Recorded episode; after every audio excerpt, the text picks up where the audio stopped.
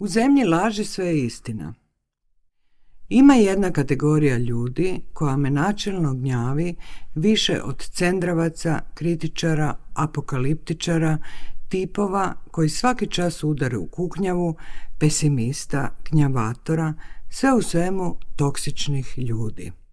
To nisu pušači, ako je to prvo na što ste pomislili. To su fini ljudi.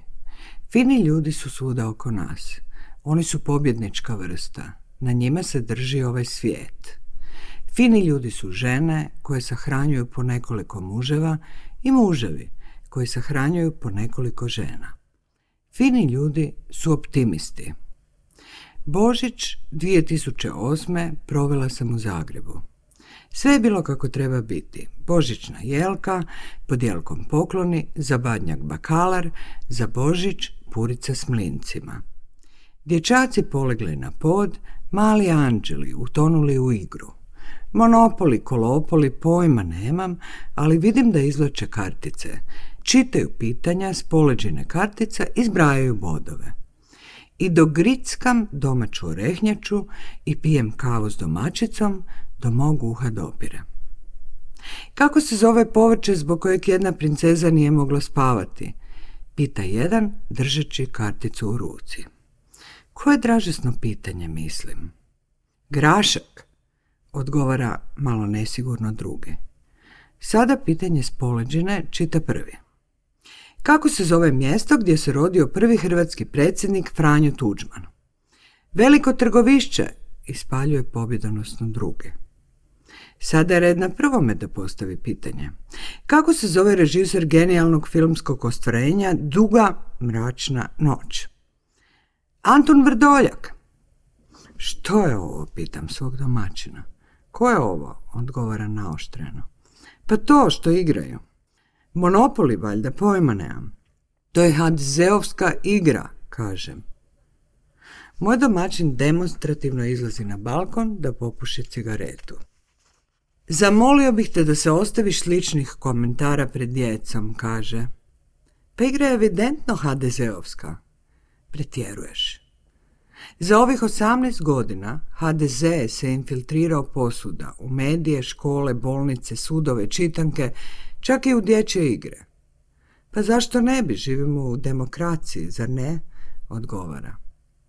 Nisam vidjela igru s partizanima, komunistima, Titom ili nečim sličnim. Dakle, dječje tržište i nije baš osobito demokratsko. To je HDZ-ovska igra, jer je u državi sve u vlasti HDZ-a. Samo mi nemoj indoktrinirat djecu, kaže i napušta balkon, jedino mjesto u stanu gdje čovjek, zimi barem, može na trenutak biti sam. Ogrnuta dekom ostajem i buljem u susjedne kuće. Ja indoktriniram djecu, a njegov sin ide na vjeronauk. Roditelji me uvjeravaju da je to dječakov izbor, ali nema nikoga iz njegovog razreda tko ne ide – idu svi. Dječak često i subotu provodi u crkvi jer tamo su svi dečki iz njegovog razreda. Dječak uči iz udžbenika koje odobrava Ministarstvo kulture. Ministarstvo kulture je hdz zato su i udžbenici, pogotovo oni iz hrvatske povijesti i hrvatskog jezika, indoktrinirani. Moj domaćin je, kao i drugi zaposleni u firmi, neopozivom odlukom vlasnika firme dobio za Božić samo pola plaće, a ima dvoje male djece i nezaposlenu ženu. Frazu živimo u demokraciji, zar ne? Čula sam u Hrvatskoj nebrojeno puta s tim što je fraza s vremenom izgubila svoj deklamatorsko obrambeni ili pak bodro ironičan ton. Fraze sada po tonu podsjeća na krležijanski stih, na onu poznatu himnu hrvatskom fatalizmu. Nikdar ni tak bilo, da ni nekak bilo, pak ni vezda nebu, da nam nekak nebu. Jedini hrvatski opozicijski tjednik nedavno je ugašen. Sada su usta svima definitivno zapušeno i nikome više ne poda na pamet da bi išto trebalo reći. Uostalom, čak i da hoće, nema se gdje. Svi su mediji u dobrovoljnom promiskuitetu s vlašću. Novinari i književnici postali su nenadmašni mađioničari kompromiserstva. Tako jedan hrvatski književnik objavljuje u jednim novinama ekstatičan intervju s hrvatskim premijerom Ekstazu potvrđuju i zajedničke fotografije, dok u drugim novinama bilda self-image mučenika razapetog na križu lokalne ksenofobije.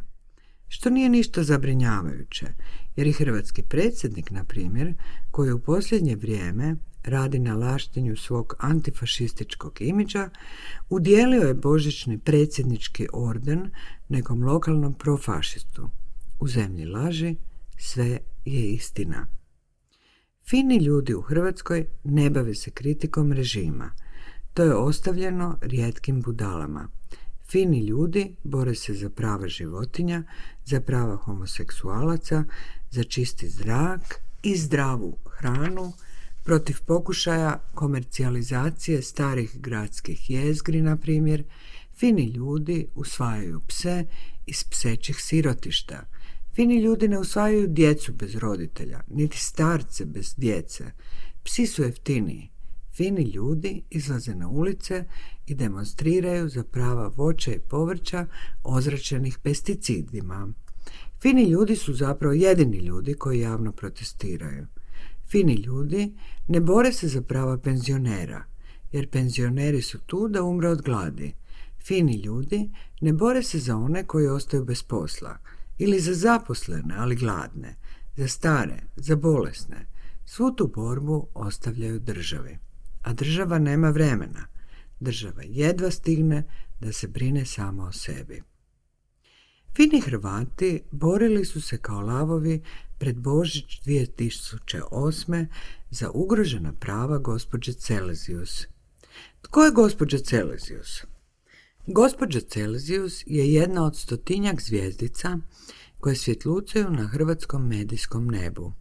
Žena nekog nogometaša i porno zvijezda koja pjeva. Zvijezde takve sorte napučile su hrvatsko medijsko nebo svaku sekundu rodi se po jedna nova. Gđa Celsius napisala je pornografsko autobiografsku knjigu pod naslovom Gola istina – opet ništa neobično.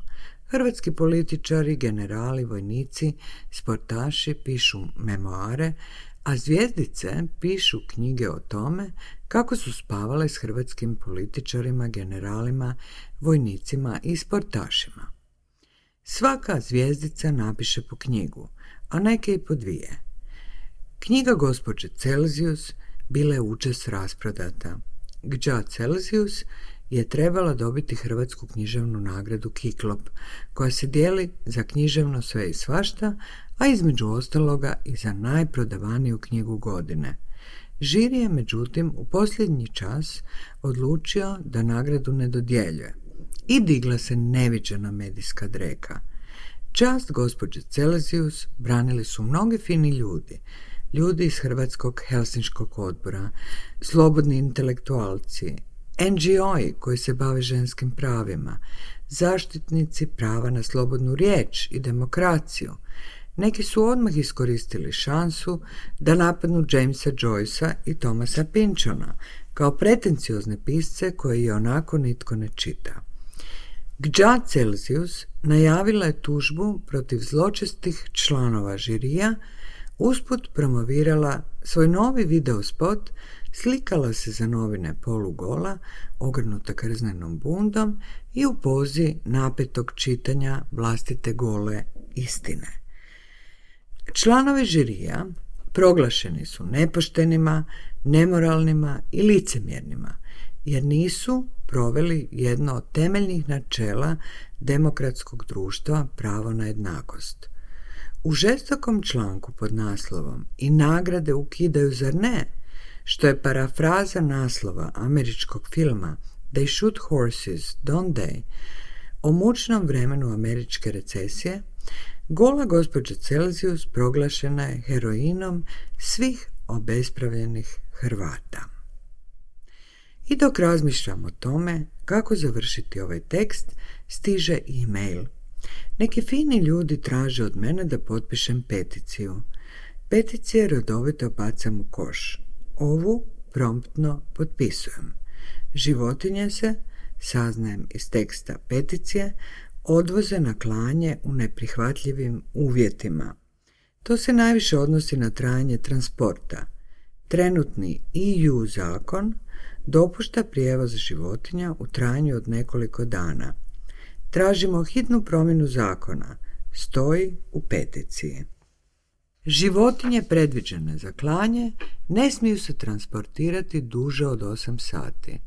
Peticiju potpisujem kao životinja, jer očito samo kao životinja mogu računati na humaniji tretman, kako u životu, tako i u smrti.